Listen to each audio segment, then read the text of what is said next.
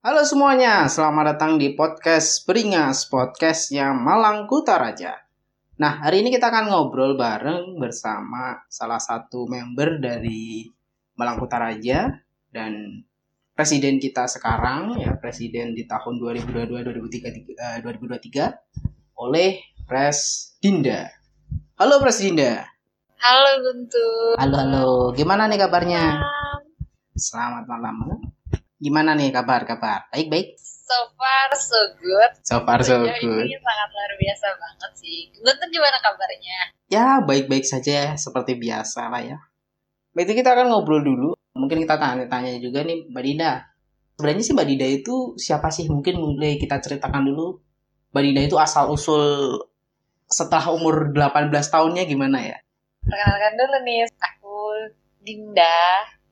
Aku adalah Presiden World Club of Malang Kota Raja pada periode 2022-2023. Aku berasal dari Lombok.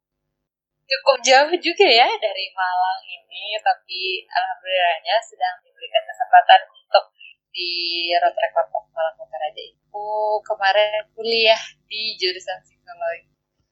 Oke, wah.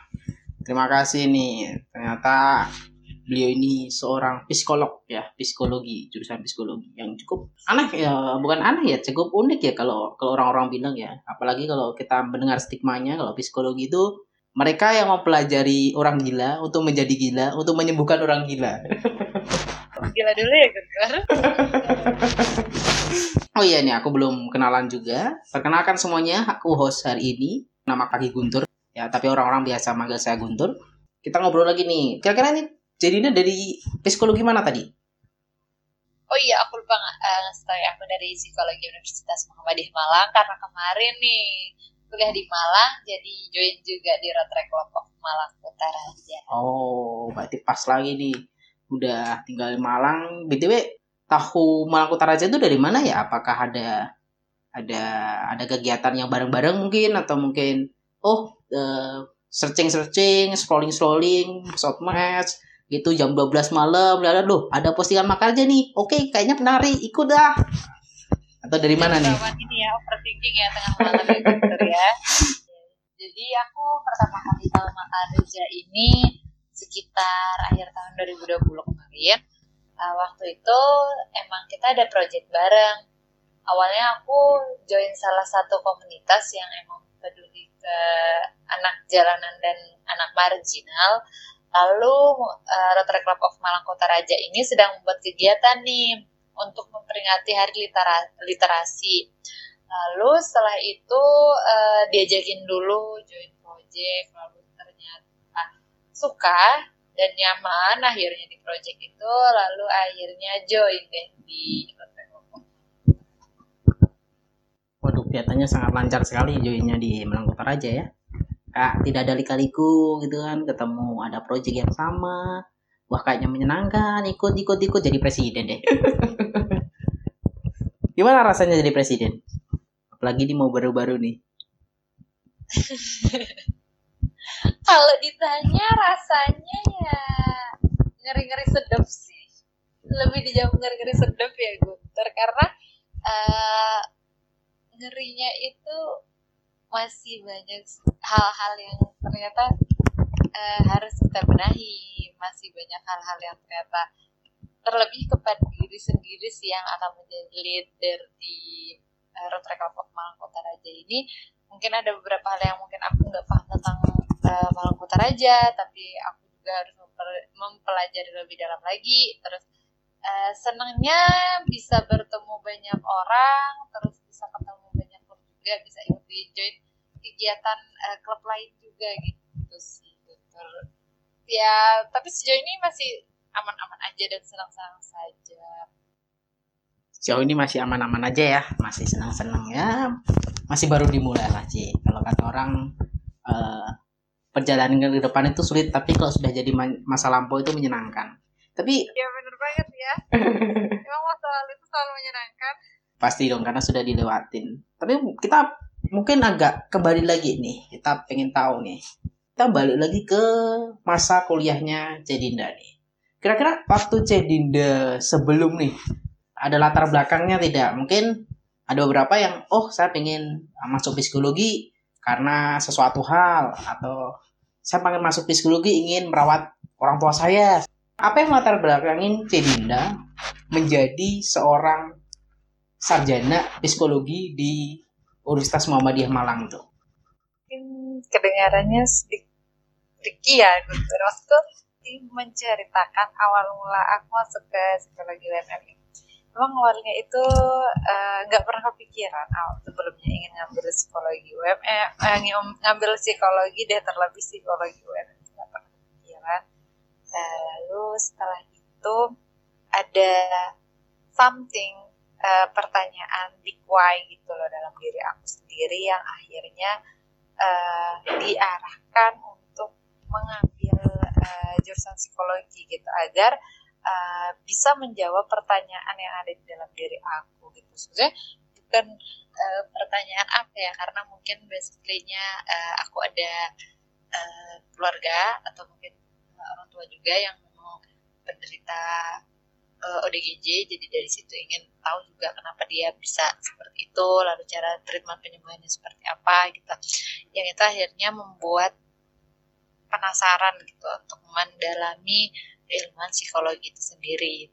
Uh, seiring berjalannya waktu, ternyata saya nggak cuma mempelajari itu, malahan lebih banyak lagi hal-hal yang saya dapatkan.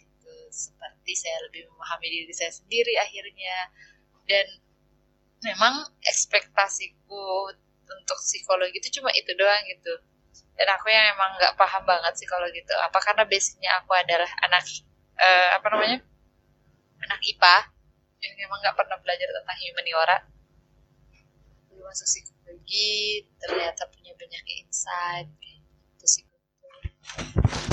wah sangat cukup lengkap ya kalau mungkin agak saya simpulkan itu dari sebuah lingkungan yang menantang untuk memberikan satu buah pertanyaan besar dalam diri sendiri kemudian mengambil dan mencari jawabannya ya seperti kisahnya Tom Sangcong perjalanan dari timur eh pencarian dari budaya lupa ya yang ada sunggokongnya itu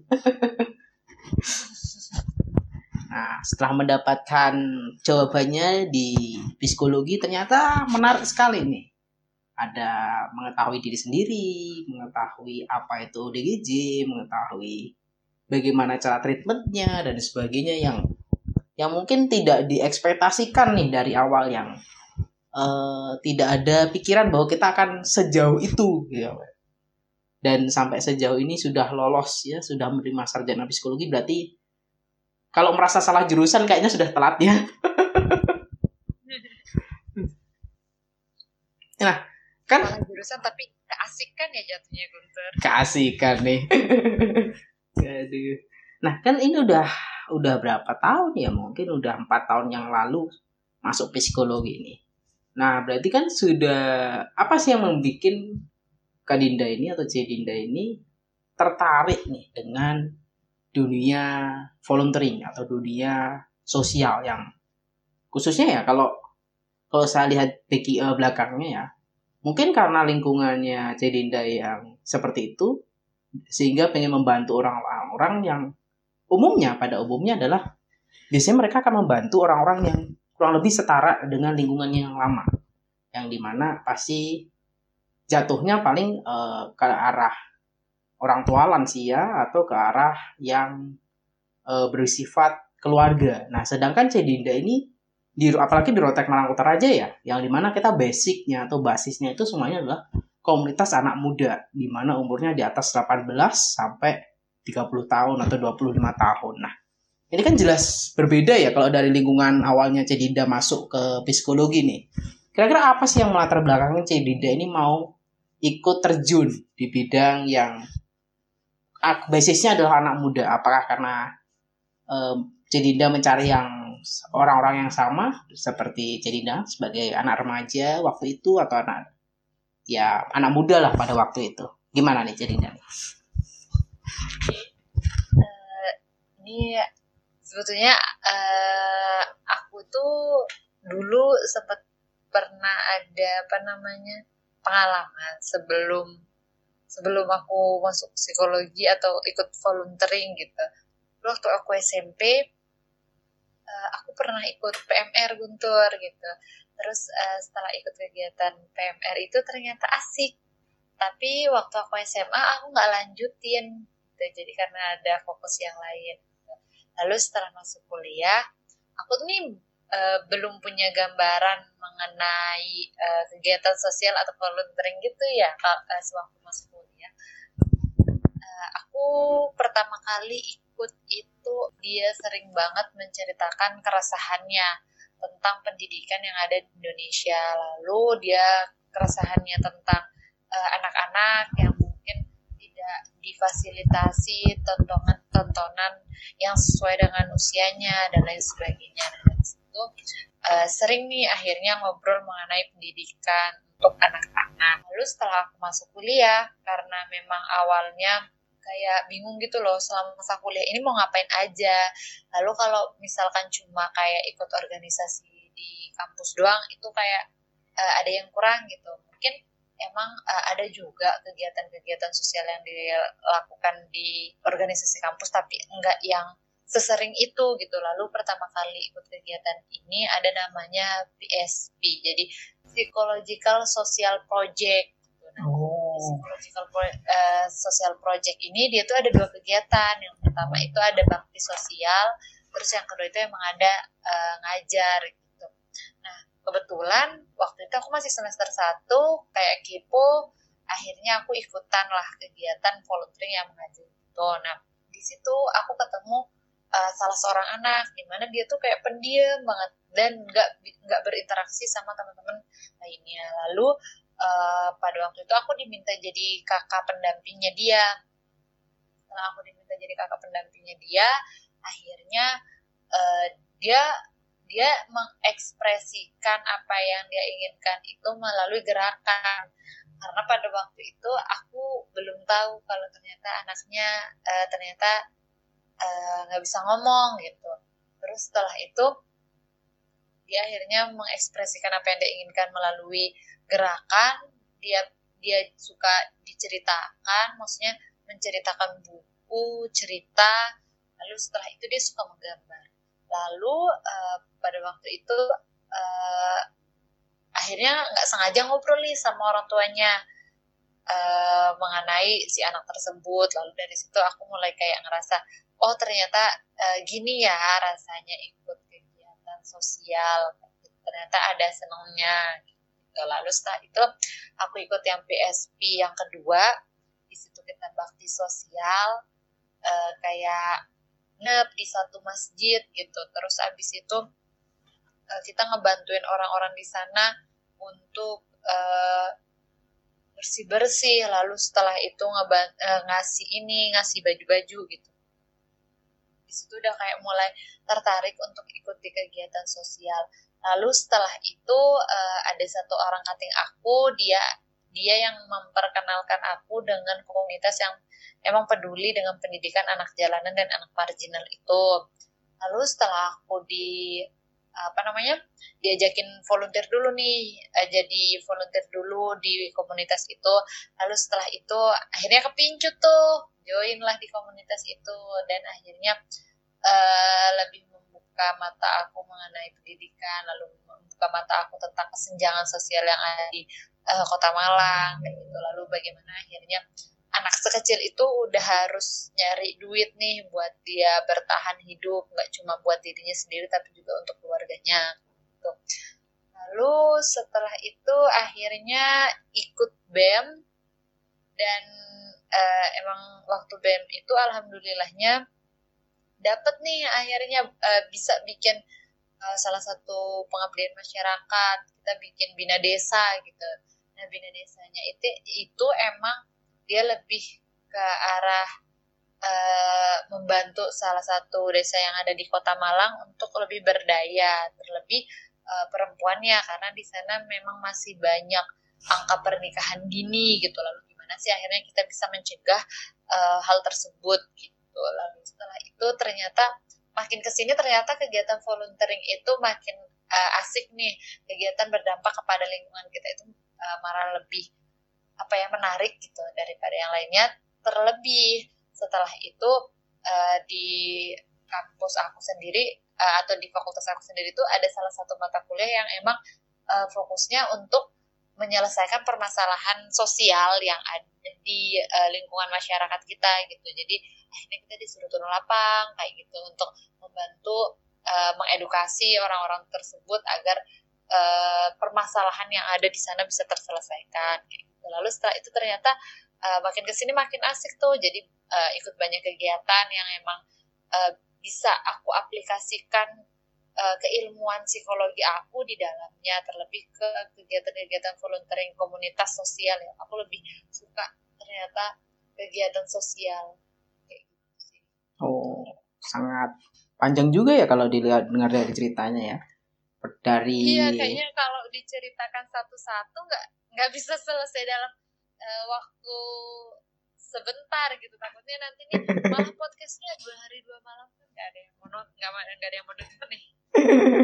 Iya sih benar juga sih. Tapi kalau sebenarnya cukup menarik ya tadi kalau dilihat dari ceritanya jadi ya bahwa dia dimulai dari ketemu seorang yang ah, ngobrolin tentang pendidikan isu-isu pendidikan kemudian terbawa sama uh, kuliahnya yang basicnya semuanya ada pengabdian sosial yang awalnya adalah coba-coba gitu mungkin sehingga tiba-tiba kepincut karena ada satu buah ilmu baru yang ternyata ini terlalu luas untuk harus dieksplor nih. Kalau ibarat uh, hutan itu bukan hutan yang penuh semak dan duri tapi hutan yang penuh uh, apa ya penuh penuh seperti kayak surga gitu ya hutan yang penuh penuh buah-buahan gitu loh maksudnya. Jadi kita udah makan nih satu apel nih di dalam hutan tuh ada buah apa lagi nih di dalam? Cari terus cari terus cari terus. Oh ketemu lagi tuh ada lagi masuk ke komunitas uh, yang basicnya mengajarin atau membantu anak-anak jalanan sampai akhirnya jatuh di Utara aja ada menarik nih. Iya, tapi sekarang masih aktif lagi nggak di uh, eh, PSP atau yang di uh, mengajar anak jalanan itu tadi? Atau sudah vakum lagi karena di Lombok gitu juga.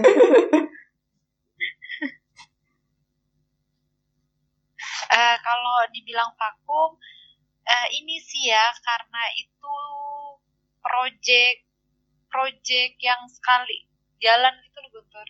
Kalau oh. yang BSP itu dia tuh emang project sekali jalan, jadi uh, pada waktu itu aja. Nah kalau untuk yang bina desa ini karena periodikal ya, jadi uh, mau nggak mau memang harus dilepas gitu. Tapi masih uh, sekarang sampai sekarang itu masih sering kontek-kontekan sama uh, salah satu uh, apa sih namanya ibu kadesnya. Ya masih sering kontek-kontekan aku butuh tuh sama ibu kadesnya. Karena uh, kebetulan uh, beliau juga tertarik untuk psikologi karena dulu pernah mengalami depresi gitu. Jadi karena pernah mengalami depresi beliau juga uh, bikin pondok BK akhirnya kerja sama-sama kami bikin pondok BK di tempatnya gitu. Jadi sekarang jadi masih sering uh, komunikasi lalu uh, setelah itu lebih banyak proyeknya yang uh, periodikal dan sekali jalan aja Guntur. Oh. kecuali di uh, Rotary Club of Malang Raja sama beberapa komunitas pendidikan yang emang aku ikutin. Tapi karena itu uh, kita kan langsung onsite ya. Jadi kalau misalkan aku di sana masih bisa join tapi karena kebetulan aku sekarang udah nggak di Malang jadi udah nggak bisa join lagi kecuali ikut di kegiatan gatheringnya. Jadi masih bisa uh, keep in touch lah sama orang-orang yang di sana. Oh begitu. Iya iya iya iya. Menarik menarik menarik. Jadi masih ada ibarat kalau hubungan itu masih belum pisah lah ya masih belum iya. retak. Masih ada jalinan kasihnya. Jalinan kasih. Aduh jangan. Lupakan. Jangan dong. Hampir saja. Ya. Tenang kok ini yang ini akan saya potong kok santai aja.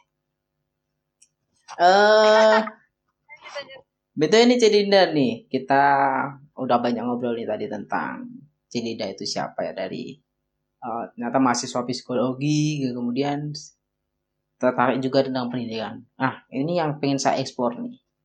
Kenapa sih Cedinda ini tertarik dengan isu pendidikan yang apalagi yang kayaknya kalau akhir-akhir ini lebih ke arah ke arah pengembangan ya pengembangan uh, dev, uh, community development ya kalau kalau bahasa kerennya ya atau pengembangan masyarakat gitu ya dari seperti tadi yang dari uh, komunitas anak jalanan nggak cuman kita sekali jalan uh, ngajarin mereka aja tapi kita juga ngajarin mereka sampai tidak perlu nyari di jalanan. Mereka dapat dana mereka dapat pendidikan yang cukup yang konteksnya bisa maju ke arah depan yang lebih baik gitu loh.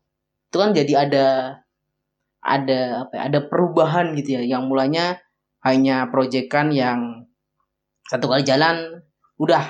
Satu kali jalan udah. Kemudian terbawa sama proyekan-proyekan yang terus berkelanjutan nih. Apa sih yang membuat Cedinda tertarik dengan proyek-proyek yang berkelanjutan khususnya tadi di bidang pendidikan sama ke pengembangan masyarakatnya itu tadi. Oke. Uh, sebetulnya ini sih karena aku sebetulnya berawal dari keresahan pribadi sih. Karena Wah. aku ngerasanya gini. Uh, uh, aku ngelihatnya banyak orang-orang yang potensial tapi mereka uh, bingung gitu untuk uh, memposisikan atau apa ya seolah bukan memposisikan sih uh, bingung untuk menyalurkan uh, dirinya sendiri itu kayak gimana. Karena memang uh, basically masih banyak yang nggak paham gitu loh tentang dirinya sendiri. Terus berawal dari situ terus kenapa akhirnya fokus di pendidikan juga. Karena aku ngerasanya uh, aku udah dapet pendidikan tinggi gitu loh. Dan banyak pengalaman yang mungkin udah didapetin gitu. Tapi belum tentu orang-orang itu dapat apa yang udah aku dapetin. Sedangkan memang udah tertera nih di alinea uh, pembukaan undang-undang dasar untuk mencerdaskan kehidupan bangsa gitu. Dan yang aku dan yang aku pikirkan ternyata mencerdaskan kehidupan bangsa itu nggak cuma dari uh, tugas pemerintah doang. Karena kalau cuma tugas pemerintah doang nggak bakalan pernah jalan tuh uh, apa namanya wacana untuk mencerdaskan kehidupan bangsa gitu. Karena kan kalau misalkan bangsa kita eh, pemudanya atau anak-anaknya itu mampu berpikir kritis, mampu eh, mengembangkan dirinya sendiri, kan bangsa kita bisa jadi bangsa yang maju gitu dari segi mana pun. Nah dari situ akhirnya aku ngubah mindset aku. Dulunya aku selalu berpikiran ya udah orang berpendidikan itu yang eh, yang bisa sekolah tinggi dan lain sebagainya sampai aku eh, menemukan itu. Dan dulu aku tuh sering yang kayak ngomen gitu loh Guntur. Kayak komen dikit-dikit. Masih sistem pendidikan kok kayak begini banget kayak dulu dulu banget. Terus akhirnya aku berpikir ternyata untuk membuat perubahan memang enggak yang bisa cepat dan emang butuh kerjasama dari semua pihak kayak cuma satu doang yang ingin merubahnya gitu. Jadi uh, dari situ karena aku juga pernah mendapatkan pengalaman yang kayak gitu jadi aku juga pengen gitu loh orang-orang yang nggak bisa rasakan apa yang udah aku rasakan itu uh, kayak bisa merasakan aja hmm, terus kenapa yeah, akhirnya yeah, yeah. fokusnya juga ke pengembangan individu karena balik lagi banyak kok orang-orang di sekitar kita yang punya uh, apa namanya ide punya talenta yang luar biasa tapi bingung untuk menyalurkannya gitu karena mungkin belum memahami uh, sebetulnya dia inginnya apa, sebetulnya bakatnya apa, terus uh, cara untuk mengimplementasikan uh, apa yang sudah didapatkannya itu apa itu sih. Oh, ternyata ada sangat keresahan yang cukup tinggi ya dari jadi ada yang cukup menarik gitu loh ya sampai membawa pembukaan pendidikan adalah hak eh pendidikan adalah hak segala bangsa atau pendidikan hak dari pemerintah ya mencerdaskan mencerdaskan uh, mencerdaskan kehidupan bangsa wah. Kelihatan jarang baca undang-undang nih. Ingat dulu waktu ini aja ya upacara bendera aja gue upacara bendera udah berapa tahun gak upacara bendera lu terakhir kali waktu SMA itu pun kalau nggak bolos nggak bolos pura-pura sakit. Iya. oh saya tidak pernah pura-pura sakit karena saya yang PMR oh mohon maaf. Keren keren keren Guntur PMR tapi asik kan ya jadi ke PMR asik. Tapi ya itu kalau mainnya orang pingsan mah kita tahu yang mana yang pingsannya pura-pura sama yang enggak. Kalau mereka bisa sampai Iya. depan pintu oh itu pasti pura-pura.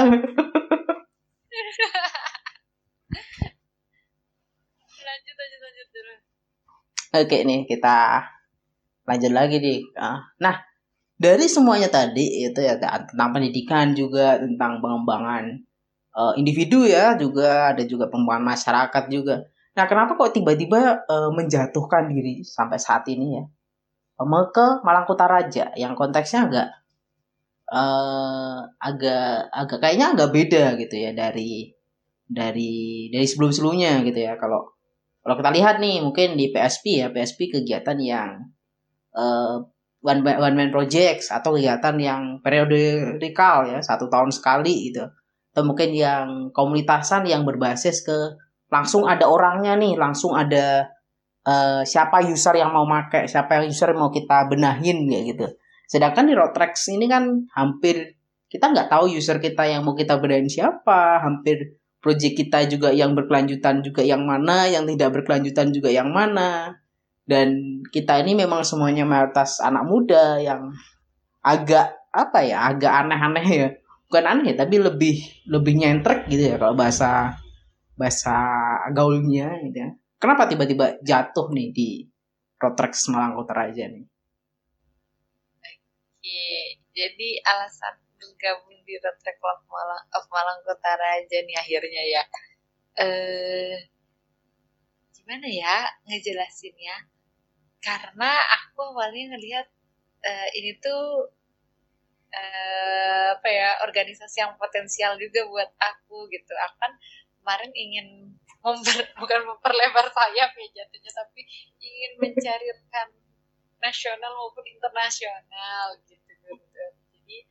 Eh, karena aku suka eh, sebetulnya berawal dari karena ingin belajar bahasa Inggris juga eh, ingin meningkatkan increase my English speaker jadi Rotary Club of Kota Raja karena eh, organisasi internasional ya I can speak Itu English awalnya. little-little. Iya ternyata little little banget gue ngomong Inggrisnya gitu. Tapi asik juga sih karena punya kenalan orang luar negeri gitu. Kemarin sempat kenalan juga sama salah satu presiden dari India gitu. Terus itu banyak juga temennya Carmen gitu.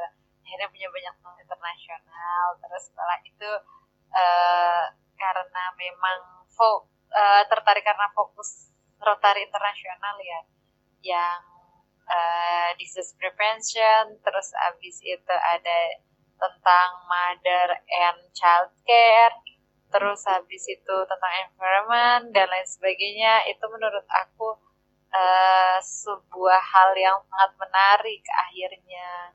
Untuk eh, kenapa akhirnya bertahan ya? Karena itu sih karena lebih ke arah eh, tujuan dari Rotrek dan Rotary ini ternyata positif banget dan emang dibutuhin banget pada era sekarang gitu jadi eh dan juga fleksibel sih ya lebih tepatnya gitu. Fleksibel, waduh. sangat kata yang sangat menggambarkan banyak hal gitu loh. Antara terombang-ambing atau sangat bisa bergerak ke mana-mana gitu loh. Bisa dikatakan seperti air atau seperti kucing. Itu dua-duanya fleksibel. yang tahu-tahu aja. Tapi emang kalau Malang ini sangat-sangat fleksibel eh, datang dan pergi pun tak apa-apa gitu ya. Dan orang-orangnya asik banget. Oke, nah waduh kalau kalau dari ceritanya itu lebih eh, apa ya? Malang Utara Raja ini akan saya jadikan batu pijakan saya untuk naik ke depan. bisa dibilang begitu Dan ternyata apakah bisa jadi batu pijakan yang sekarang ini atau masih tetap ke bawah belum jadi batu pijakan? seenggaknya masih bertengger di sini Masih bertengger. meminjakan kaki di batu ini belum siap-siap melompat ya. Iya karena masih sakit lutut jadi nggak bisa lompat Takut jatuh ke air. Menarik ini.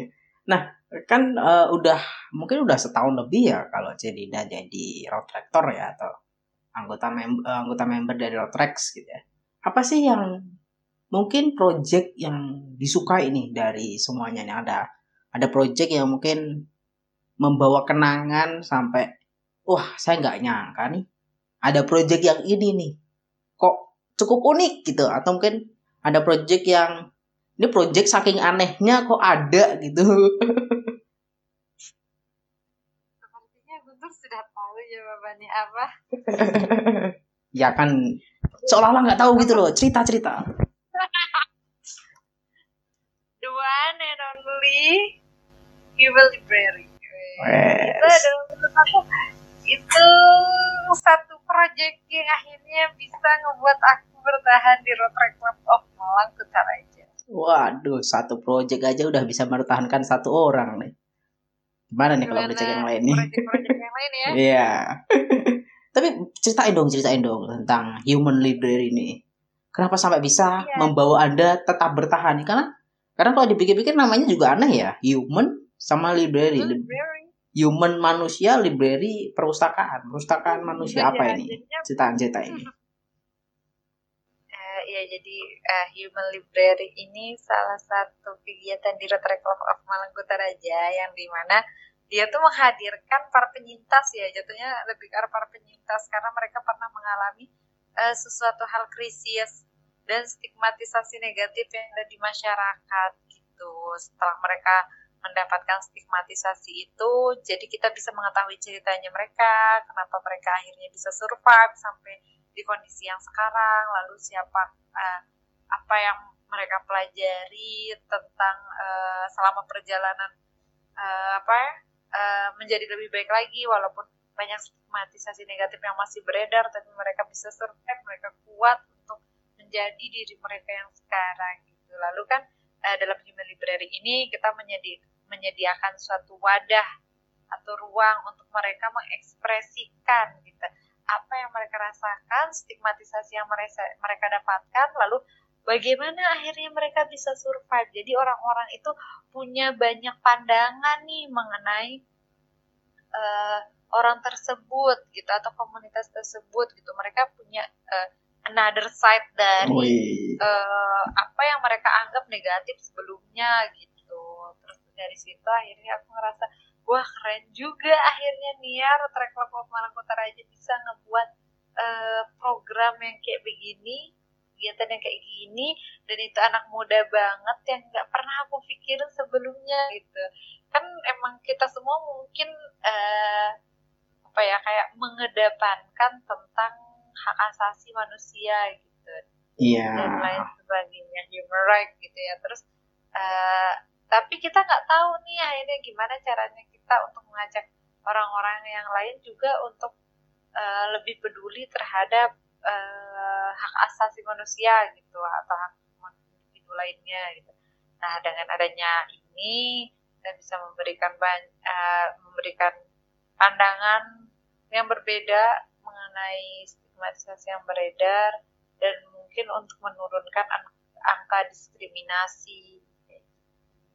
Hmm. Ini yang paling berkesan selama aku, eh, di Road Track Club of Malang Kutaraja dan menurut aku nggak pernah gagal gitu loh Human Library ini memberikan memberikan pandangannya kepada orang lain dan itu applicable banget sih Human Library itu bisa dipakai di mana pun dan kapan pun Keren, keren, keren, keren.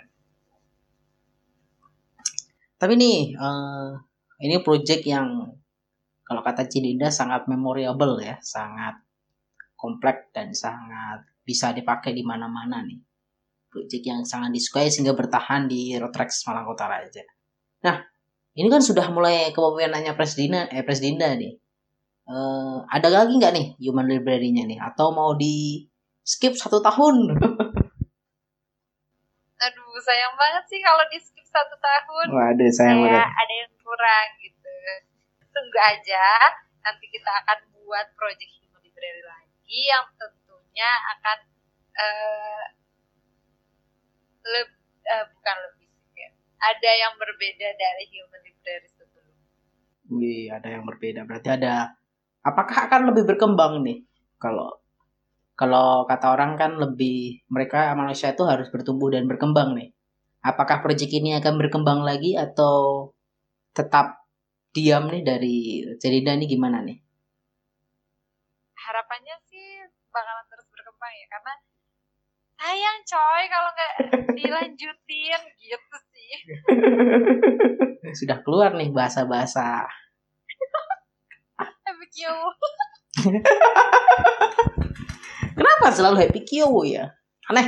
Biar kamu seneng Gunter ya Kyowo itu artinya apaan sih? Kenapa harus Kyowo gitu ya? Yang Kayaknya di dalam KBBI tidak pernah ada itu kata, di dalam kata slang juga tidak ada. Biasanya orang itu pakai bahasa-bahasa yang pis udah kita juga sambil uh, bahasa-basi dikit nih. Biasanya kan kalau orang-orang pakai bahasa-bahasa psikologi ya healing apa uh, bipolar kayak gitu untuk menggambarkan moodnya, healing untuk menggambarkan santai-santai yang entah ke mana. Itu sebenarnya memang normal kah atau Bagaimana nih pandangan dari seorang sarjana psikologi? Bisa diulang nggak, Besti?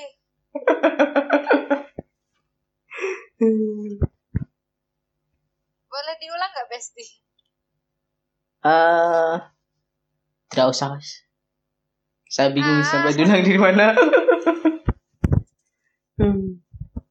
Oke, ini jadi nih. Uh, ke depannya nih mau dibawa ke mana nih?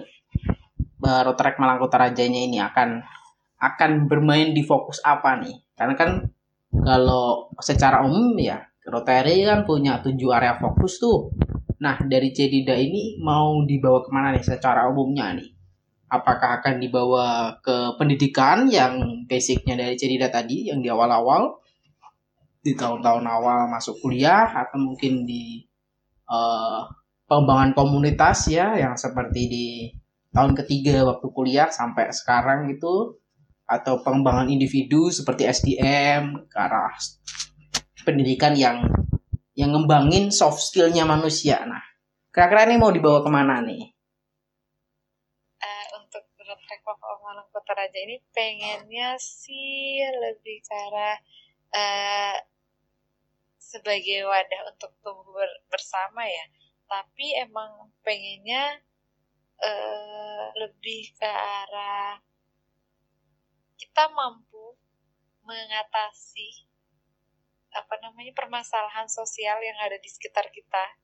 Walaupun itu tuh kayak sesuatu hal yang kecil banget yang mungkin orang lain menganggap itu adalah sesuatu hal yang remeh gitu yang nggak perlu diselesaikan tapi ternyata punya manfaat yang luar biasanya luar biasa mungkin nggak cuma untuk kita tapi untuk uh, masa depan kita gitu. Tapi aku inginnya juga lebih fokus ke uh, karena aku basicnya psikologi ya jadi lebih fokusnya juga ke mental health terus habis itu uh, karena aku ngerasa bahasa Inggris itu sangat sangat sangat sangat uh, penting jadi inginnya ada pengembangan dalam segi sisi bahasa juga lalu setelah itu ingin juga tertarik untuk environment lebih apa ya kayak gimana sih akhirnya kita uh, menjadi salah satu pionir atau mungkin salah bisa jadi salah satu contoh gitu untuk mengurangi permasalahan dari uh, lingkungan dan dampak krisis global gitu. Karena sekarang uh, permasalahan lingkungan mungkin lagi naik ya. Nggak mesti pendidikan gitu. Mungkin pendidikan emang kita membutuhkan banget gitu. Tapi uh, sejauh ini mas yang aku lihat sekarang tahun ini dan tahun kemarin kayaknya uh, lingkungan memang uh, lingkungan memang lagi banyak dibahas karena memang kita semua sudah merasakan efek dari pemanasan global. Jadi itu salah satu ancaman dunia. Ancaman ya, dunia. Harus kita uh, ini harus kita stop bersama-sama. Walaupun mungkin uh, walaupun mungkin mm, dampaknya nggak begitu besar ya tapi kita bakal bisa sedikit demi sedikit lama-lama jadi bukit Ada keluar lagi dia pepatah-pepatah eh pepatah peribahasa-peribahasa yang sangat menyenangkan. Oke nih, wah. Kayaknya kita udah mau berakhir nih, udah cukup panjang nih kita ngobrol bareng nih sama Jidinda nih. Ada nggak nih apa mungkin ya beberapa patah kata gitu ya, patah kata yang ingin diutarakan nih untuk mengakhirin cerita hari ini, podcast hari ini nih.